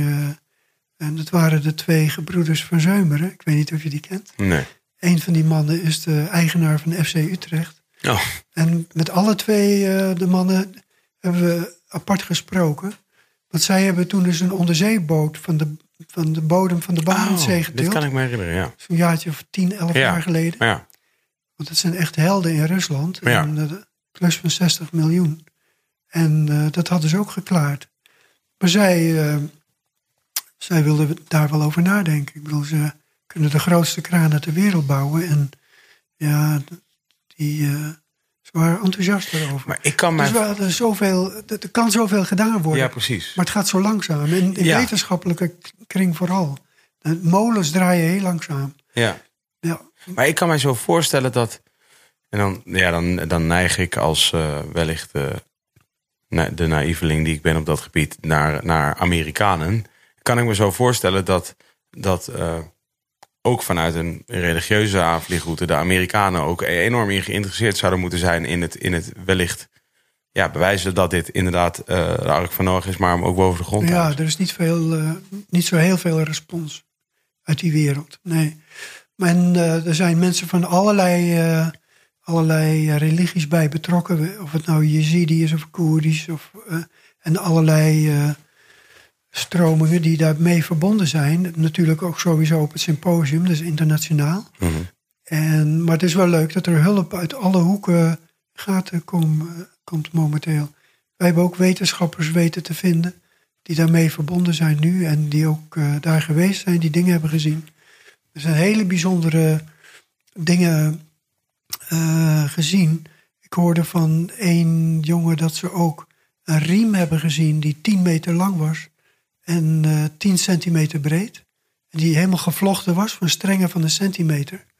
En eh, er zat een eh, loop in, zei hij. Dus het is een loop en een, ronde riem. En die is 10 meter lang. En die wetenschappers konden niet het begin en het einde vinden van die riem. En die hoort bij die spullen die uit de ark zijn gekomen. Die daar in de sneeuw hebben gelegen, in de gletsjer. Die hebben die families in veiligheid gebracht. En ja, die hebben daarmee lopen sjouwen met die dingen. Ja, en die moeten allemaal veiliggesteld worden. En ik hoop dat die families ook eh, goed behandeld worden door Turkije. Want eh, ja, die moeten ze op handen dragen. Want die hebben, zij konden nagaan dat ze over een periode van 100 jaar eh, spullen uit de ark hebben gehaald. Of in veiligheid hebben gebracht die daar lagen. ja.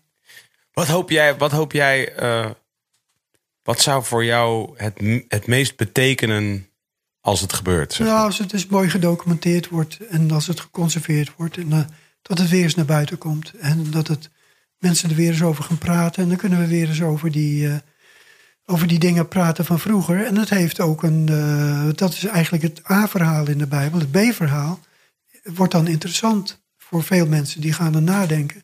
En ik ben overtuigd. Wat dat- bedoel je met het B-verhaal? nou, dat B-verhaal dat er. dan komen we bij die Timmerman uit. Die, die Timmerman die in Bethlehem is geboren. Mhm. Die man uit Nazareth. Die, die eh, zei hoe mensen met elkaar om hoorden te gaan. In de beroemde bergreden bijvoorbeeld. Ja, daar, daar kunnen wij van leren. En ik denk dat ieder mens bewust of on- onbewust op zoek is naar de waarheid. Mhm. Iedereen heeft ook zijn eigen waarheid. Hè? In de wereld waarin je zit. Maar ook eh, naar de Naar een, eh, naar goddelijke een universele waarheid, ja. naar de goddelijke waarheid die in het oude boek te vinden is. En wat de sleutel is naar een nieuwe wereld. En, en eh, dus het kan mensen op het spoor zetten van, eh, van de grotere ark. En ik geloof dat er een grotere ark is. Een- wat een grotere dan deze die gevonden is, bedoel? Ja, ja, dat er een geestelijke ark is. Ah, op die fiets. Ja. Een geestelijke ark, ja, die fiets. En daar kun je, daar kun je binnen fietsen, zeg maar. ja, ja. daar ben ik het Dus mee voor eens. iedereen die, dat, eh, die daar zijn hart voor openstelt en die, die dat gaat onderzoeken. En, die, en eh, het is als voedsel, hè? Die dat voedsel eet en, en denkt, hé, hey, dat werkt beter. Hè? Mhm. De tips die worden gegeven in het oude boek, die zijn zo goed. Hè? 100% mee. Zou- je zeggen dat, eh, want je zei toen straks al even helemaal aan het begin van, nou ja, de, de, de mens eh, was toen gewelddadig en het lijkt er nu een beetje op, het lijkt er nu weer een beetje op. Ja. Toevallig eh, zag ik eh, van, vanmorgen nog wat beelden uit eh, Spanje, waar, waar volgens mij het water tot redelijk, redelijk niet schuim is er specifiek nu in de straten van, van Spanje. Mallorca zag ik enorme vloedgolven en dat soort dingen. Zijn er wel eens momenten dat je denkt van, oh ja, oké, gaan we maar beginnen te bouwen. Nee, dat niet. Nee, dat, dat is in Nederland al twee keer gedaan, hè? Door Johan Huibers. Ja, Die heeft twee arken gebouwd. Ik heb één videoclip opgeschoten op een van die, eh, Oh ja. een van die arken. Ja, Toevallig. ja. Ja. En de grote die, eh, die zou naar Israël gaan. Ik weet niet of die al weg is, eh, maar ik denk het wel. Die gaat die aanmeren ergens in Israël. Die hele grote. Mhm. En die kleine is van een poppenspeler, van Aad Peters. En eh, ja, die vertelt daar ook een verhaal mee. Ja, en zo. maar de aarde is heel erg onrustig. Hè? Joop, Ja. Joop van de Ende die zei dat een keer in, in een tv-interview. van Het lijkt wel of de aarde boos is geworden op ons mensen. En zo is het ook. En net wat je zegt, die natuur die gaat overal tekeer. De branden staan over, overal brandt het. Ja. Ik moest denken aan een nummer van Jimi Hendrix, House Burning Down. Heb je dat wel eens gehoord? Ja. Het begint met heel veel geweld. En dan eh, en, eh, kijk eens naar de lucht dat die zo rood is. Hè? Huizen staan in brand. Dat zie je nu in deze tijd. Ja. Zie je dat gebeuren. En, Ja. eh, en dat vind ik wel heel mooi. En dat vind ik ook mooi, ja, even over Hendrix nog. Die had ook een LP, Access Bold as Love. En er staat ook een nummer op. Dat begint met een, iemand die van buiten de aarde de aarde bezoekt. En die zeggen, wat is het een stinkende planeet geworden hier, joh. en dat is gewoon zo, hè? Ja. En daar had hij wel gelijk in, dat had hij goed gezien. Maar nu is het nog erger. En nu neemt het hand over hand toe. Het moet even heel erg worden, Ja. maar dan komt er een hele relaxte tijd. Ja. Die gaat er toch aankomen. Oké, Ja. dat is goed nieuws. Dat gaat over. Dat is goed nieuws. Ja, dus er is goed nieuws. En, en dat heeft ook te maken met die, eh, met die geestelijke ark die er is. Er gaan mensen die zoeken die, eh, die ark en die gaan die ark binnen. En eh, ja, dus daar ben je veilig. Is er iemand die jij, eh, die jij zelf, een, laat ik zeggen, een, misschien een, een jonger iemand, die jij aan het werk hebt gezet, waarvan je hebt gezegd van, hey, jij moet wel eventjes doorgaan met, met alles wat ik aan het doen ben. Ja, ik heb mijn taken overgedragen, zeg maar. Er is nu, in, in Europa is er een Henry Nissen. Die is er heel druk mee bezig. Die heeft ook een mooi verslag gemaakt van, eh, van, eh, van de vondst. En eh, in dit boek. En die is daar ook nu heel druk mee bezig. Die, die heeft zich erin vastgebeten. Net zoals toen de tijd René Noorbergen. En ik denk ook dat mijn ARC-dossier, ben ik nog een beetje over aan het nadenken dat het naar hem toe gaat. Henry Niesen in Denemarken. Maar in Amerika heb ik twee mensen ingewijd in alle ooggetuigenverslagen en de weg gewezen naar de informatie. Want ook die boeken zijn nog allemaal te koop, eh, ook op eBay. Al die ooggetuigenverslagen boeken kun je allemaal nog eh, kopen. En, eh, en nu is een van die, van, die, van die jongens, wat ik dan altijd deed, dat, die jongen die is daar nu ook verbonden. Dat is ook een helper. Cool. Maar, maar hij is maar, ja, hij, hij is ook geen wetenschapper, maar hij weet alles. En die jongen die kan alles heel goed onder woorden brengen. En die is een helper van, een, eh, van, van wetenschappers. Van eh, de Andrews University. Daar mochten wij een presentatie ook geven, waren we uitgenodigd. En die waren overtuigd, die waren helemaal overtuigd. Dit is prehistorisch, zeiden ze. Vet. En die zijn nu verbonden, die zijn er ook geweest, hebben contact met Belly. Maar die wetenschappelijke wereld die draait heel langzaam. En dat moeten eerst eh, contacten gelegd worden. Ja, ja. Maar dat draait nu. Nu gaat het goed. En als je nu iedere twee jaar een symposium hebt, en eh, dan komt het helemaal goed. Stel, je bent nu een, eh, aan het luisteren hiernaar en, jij, en, en, en, je raakt getriggerd door, door het verhaal. Waar zou jij zeggen, eh, moet je beginnen als je, wat, wat, wat is de, wat is de, de Ark voor dummies? Zeg maar als je zegt van nou, weet je, ga, ga hier eerst heen. En dan preferably internet, als het even mag. Ja, op internet, waar moet je kijken? Ehm, Wat vind jij een geloofwaardige bron van informatie? Natuurlijk jouw eigen website, daar kun je beginnen, zou ik zeggen. Ja, maar ook eh Noah's Ark, eh, noahsarksearch.com. Noahsarksearch.com is van Rex Geisler. Eh, alhoewel ze de laatste jaren daar niets meer aan doen. Ik dacht vanaf 2014 al niet meer aan werken. Maar is al die informatie er nog? Daar staan alle, of alle, heel veel ooggetuigenverslagen op. Ook van Amerikaanse vliegeniers die daar eh, vaak hebben gevlogen. In de vijftiger jaren was het zo erg dat een... eh, zo'n zo'n baas van zo'n basis die zei: We hebben eigenlijk een vliegtoren nodig. Een verkeerstoren daar bij de berg. Want elke dag waren er wel een paar vliegtuigen die even een rondje Ararat deden om het schip te zien. Oh ja. Die zagen dan een deel, was dan boven de gletsjer in de vijftiger jaren. En hij zegt ook specifiek: Het was absoluut niet de noordkant, het was de zuidkant. En het is ook de zuidkant waar die ligt. Terwijl iedereen is gefocust op de noordkant, op die enorme grote kloof daar. En daar zijn verschrikkelijke dingen gebeurd. Daar, daar is ook een klooster verdwenen. was vroeger een Armeens klooster. Hè, aan de noordkant, maar het is de zuidkant. Ja, maar dat is dus een website, noahsarksearch.com. En die heb je ook van die Chinezen. Dan is het noahsarksearch.net, dacht ik. Of .org. Net, hè? ja. Dat hebben de Chinezen. Dus daar vind je Dit informatie. is een Engelstalige site, of die is ook Engelstalig. Ja, ja, die is ook Engelstalig. En dan van die Chinezen, die hebben ook een filmpje daarop staan. Waar je dus ook een klein stukje binnen in de ark kunt kijken. Ja. En eh, ja, dat is dan de website. Kijken mensen hier naar mee dan? Nee. En, eh maar noahsarksearch.com is heel goed. Ja. En eh, een fijne website is ook Arkapology.com. Dat is eh, van een, we- een wetenschapper die er ook nu bij betrokken is. En die, ehm, ja, Dat is wel een grappige man. Dat is een soort Mr. Bean is dat. Een hele grappige man. Die heb ik een paar keer meegemaakt.